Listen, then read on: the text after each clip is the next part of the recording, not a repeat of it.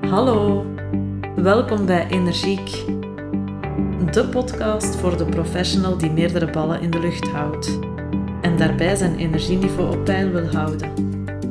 Mijn naam is Twiggy Peters. Ik ben ondernemer en coach.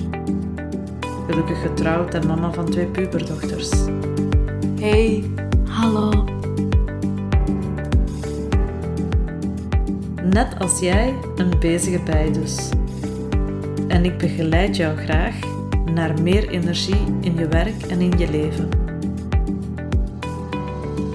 Vandaar de podcast Energiek. Boordevol praktische handvatten, zodat je je nooit meer uitgeblust hoeft te voelen. Creëer balans en zet de resultaten neer die je wil, terwijl je echt gelukkig bent. Welkom.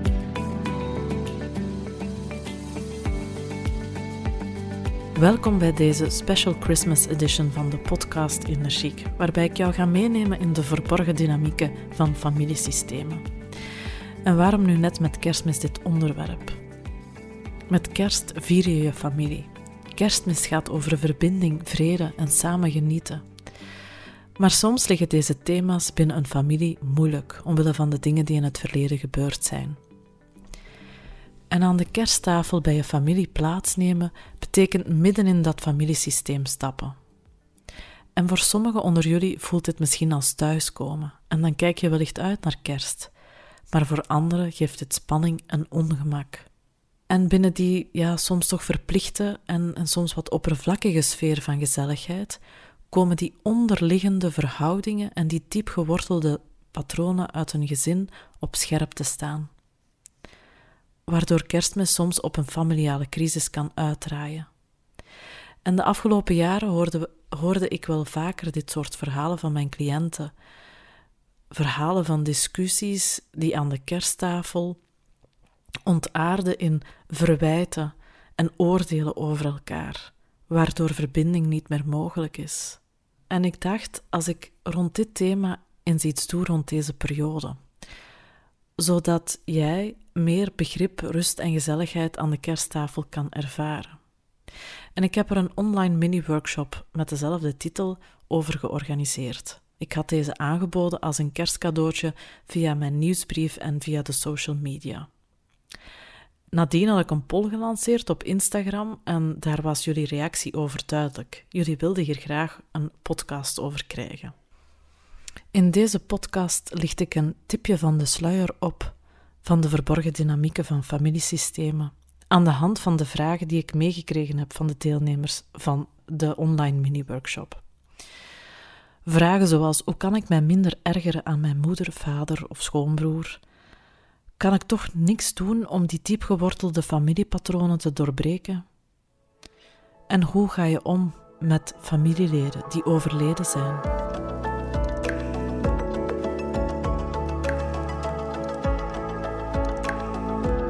En ik heb geen wondermiddel. En wat ik jou hier vertel is gebaseerd op het werk van Bert Hellinger omtrent familieopstellingen en het boek De Fontein van Els van Stijn. En zoals zij zelf aangeven, hebben zij hiervoor geen wetenschappelijke bewijzen of geen verklaringen. Alleen hebben zij door jarenlange ervaring met familiesystemen en opstellingen ervaren dat het zo werkt. En zelf heb ik de afgelopen maanden deel mogen uitmaken van verschillende opstellingen, vooral gerelateerd in het kader van de begeleiding van familiebedrijven. En wat zich energetisch ontvouwt bij een opstelling kan je niet verklaren. Maar dat het klopt en waar is, dat voel je in elke vezel van je lijf. Dus ik zou zeggen, keep een open mind en laat je verrassen. En laat ons beginnen bij het begin jouw allereerste systeem waarin je terechtkomt, jouw gezin van herkomst. Het gezin waarin je geboren wordt, is het eerste systeem waarmee je te maken krijgt. Je familiesysteem kan je beschouwen als jouw wortels, jouw fundament. En jouw familiesysteem is uniek. Je bent er je leven lang mee verbonden en of je het nu wil of niet, het heeft de grootste impact op je gedragspatronen in je latere volwassen leven. We groeien op en we ontwikkelen en we komen in nieuwe systemen terecht, zoals onze schoolklas of onze hobbyclub, het verenigingsleven. en later in ons volwassen leven werken we in systemen zoals bedrijven en organisaties. Ieder van die systemen heeft zo zijn eigen dynamisch krachtenveld, maar vaak zijn we ons daar niet van bewust. En het is ons gezin van herkomst dat de grootste impact heeft op de gedragspatronen in ons latere volwassen leven en ook in onze gedragspatronen in die andere systemen. Dus herhalende patronen in je volwassen leven kan je altijd terugbrengen naar je systeem van herkomst. En bij patronen moet je denken aan: ik probeer steeds anderen te pleasen. Ik cijfer mezelf daarbij weg. Ik kan niet opkomen voor mezelf, of ik kom telkens in conflict met mijn leidinggevende. Of ik neem steeds verantwoordelijkheid over van anderen.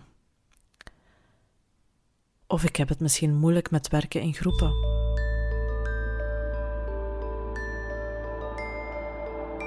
Een patroon dat bijvoorbeeld heel eigen is voor mij, dat voorkomt uit mijn gezin van herkomst, is mijn plan kunnen trekken. Wanneer ik vroeger aan mijn ouders vroeg of ik iets mocht doen of ergens naartoe mocht gaan, dan kreeg ik vaak het antwoord: trek uw plan. Dus daar ben ik ook heel goed in geworden, om ergens alleen mijn plan in te trekken. Ik kan heel goed zelfstandig werken. Een patroon wat ik bijvoorbeeld regelmatig tegenkom in mijn praktijk, is dat iemand als kind de zorgen over de ouders heeft moeten overnemen. En daarmee bedoel ik niet in praktische zin, zoals het eten klaarmaken of de was en de plas doen, maar dat de behoeften van het kind ondergeschikt waren aan de behoeften van de ouder. En dat het kind dus geleerd heeft zijn of haar behoefte opzij te zetten om ervoor te zorgen dat de ouder zich goed voelt of niet boos wordt. Hierdoor gaan ze later in hun volwassen leven ook steeds ten dienste staan van anderen, geen grenzen aangeven, maar blijven doorgaan, waardoor ze mogelijk in een burn-out kunnen terechtkomen. Patronen die je ontwikkelt, die kan je beschouwen als jouw voorkant.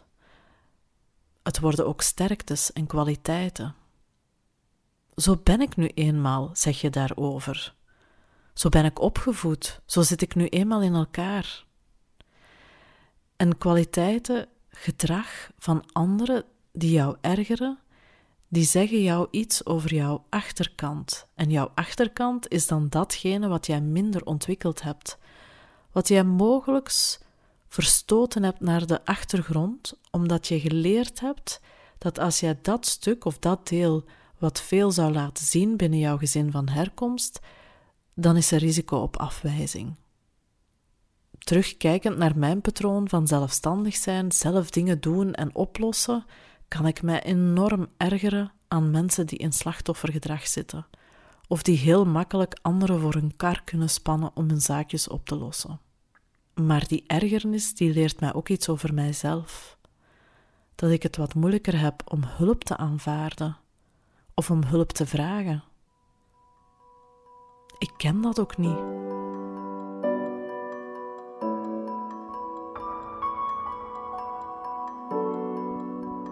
Dus een ergernis ten aanzien van iemand leert jou altijd iets over jouzelf.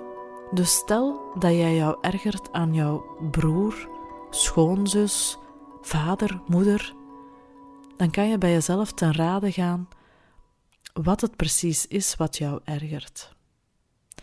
Je kan dit doen aan de hand van een aantal vragen. Waar is die persoon waar jij jou aan ergert heel goed in? Wat kan jij daarvan leren? En wat als jij daar nu eens een homeopathische dosis van zou innemen tijdens het kerstdiner? Wat zou er dan mogelijk worden? Hoe zou jij je daarbij voelen?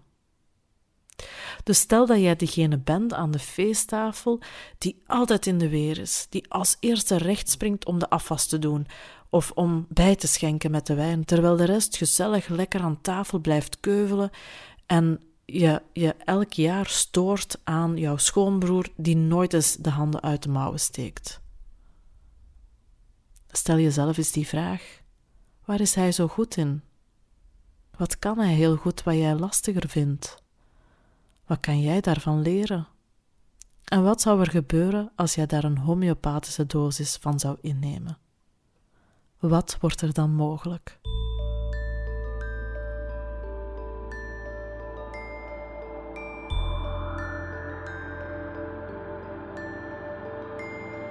Die patronen die zijn vaak diep geworteld. En die patronen die hebben een belangrijke functie voor het systeem. Ze zorgen ervoor dat het systeem heel blijft.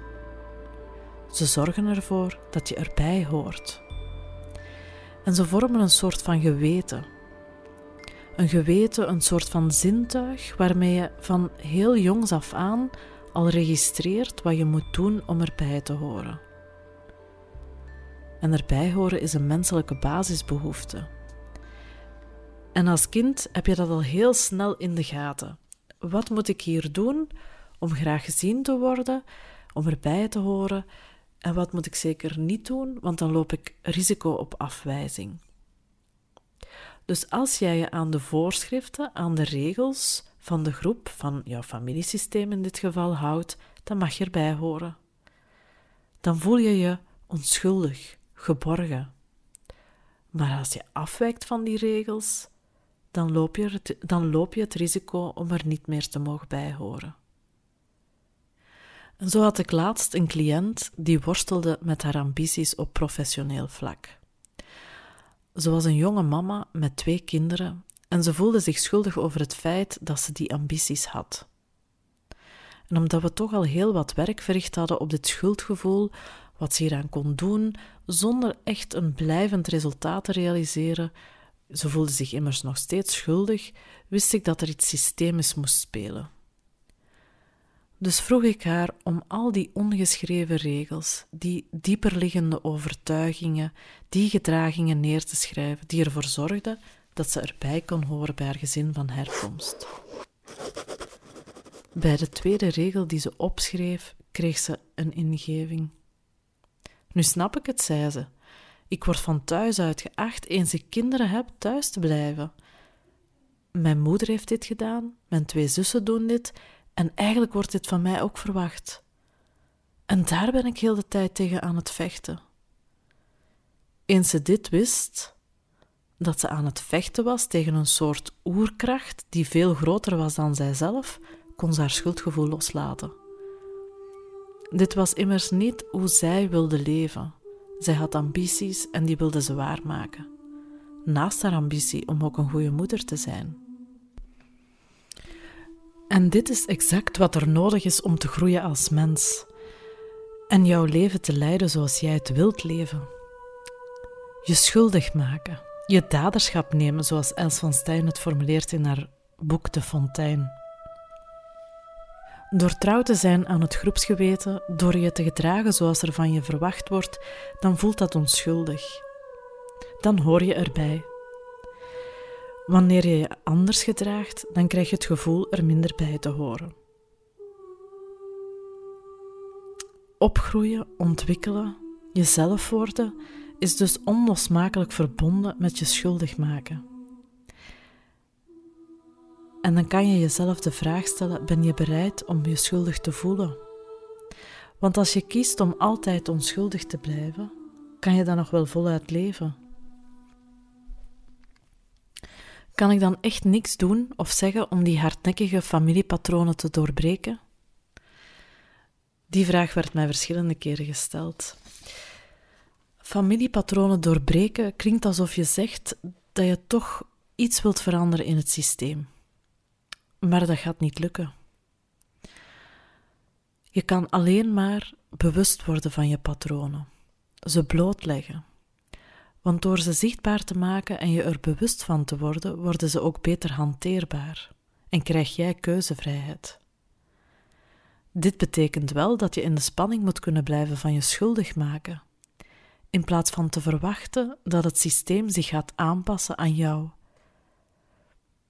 en de beste manier waarop je dit kan doen is door in te sluiten. Want insluiten betekent ook erkennen van datgene wat er is.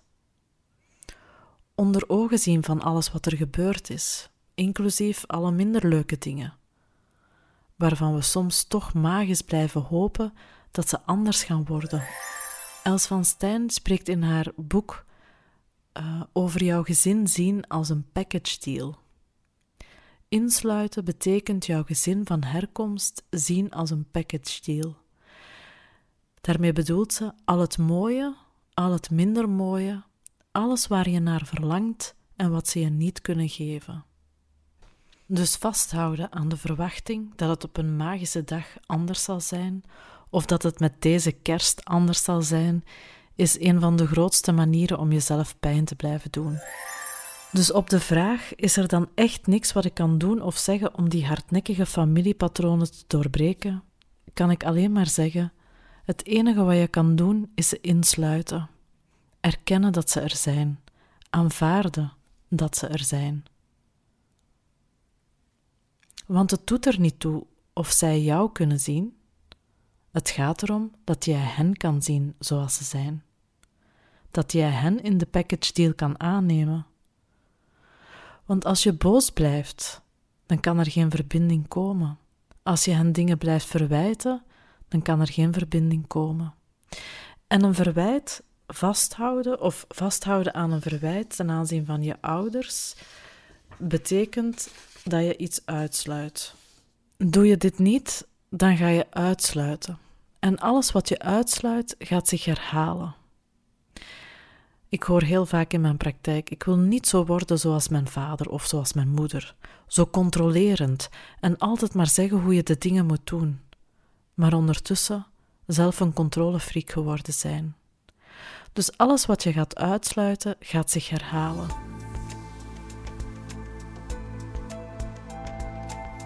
Insluiten doe je met je hart, niet met je hoofd. Dus als jij naar de kersttafel gaat dit jaar met een innerlijke houding dat je ouders zichzelf mogen zijn, dan ga jij dat ook veel beter kunnen. En dan gaat de energie terugstromen.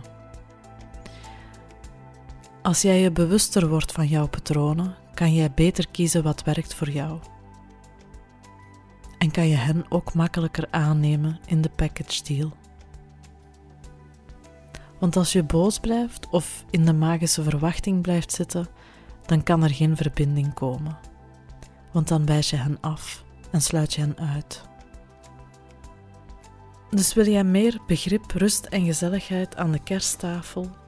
Aanvaard dan jouw gezin van herkomst met alle voor- en nadelen als een package deal.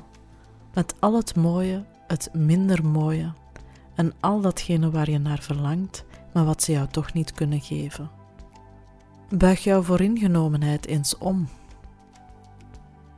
Vertrek eens met een andere mindset naar de kersttafel. Denk eens na over met welke mindset jij aan de kersttafel gaat zitten. ik zie zo op tegen kerst. Ze gaan me weer niet herkennen, ze gaan me weer niet zien.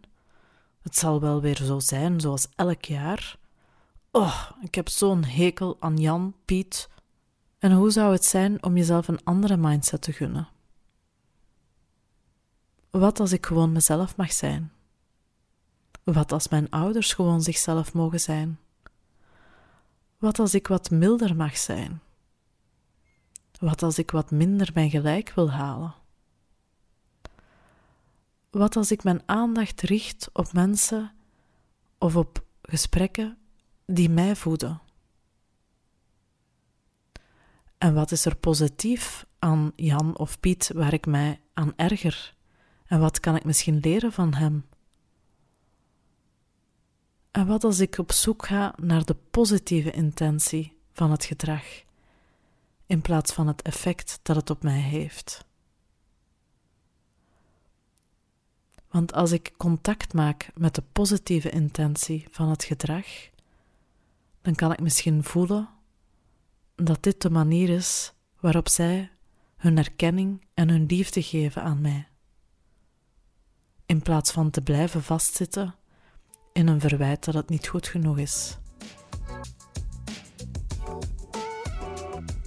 En tot slot nog een laatste tip.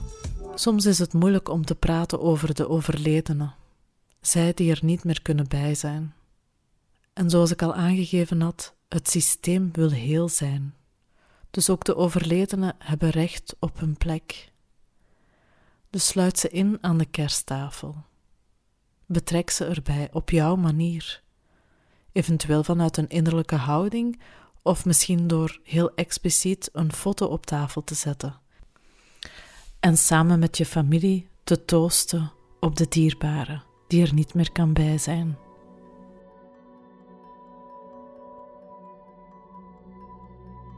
En daarmee zijn we aan het einde gekomen van deze special Christmas edition van de podcast Energiek. Ik hoop dat jullie er wat tips hebben kunnen uit opsteken om deze kerst wat meer begrip, rust en gezelligheid te ervaren. Er rest mij dan ook alleen nog jou een uh, warme en gezellige kerst toe te wensen. Een kerst waarin je verbinding mag ervaren, verbinding in eerste instantie met jezelf en met je naaste. Zit je nog met vragen over jouw familiesysteem of loop je vast in die diep gewortelde patronen en wil je graag handvatten om hier anders mee om te gaan? Neem contact op. Stuur me een mailtje twiggy at energy-coach.be. Ik help jou graag bij het ontrafelen van de verborgen dynamieken van jouw unieke familiesysteem. Bedankt voor het luisteren naar Energiek. Ik ben Twiggy en ik wil dat jij als drukke professional je energieniveau op peil houdt. Haal je energie en bruikbare tips uit deze podcast en wil je dat anderen hier kunnen van meegenieten? Deel deze podcast met jouw vrienden, familie, collega's of geef deze podcast een review. Dat zou ik heel fijn vinden. Ik wens je nog een energievolle dag en tot de volgende aflevering.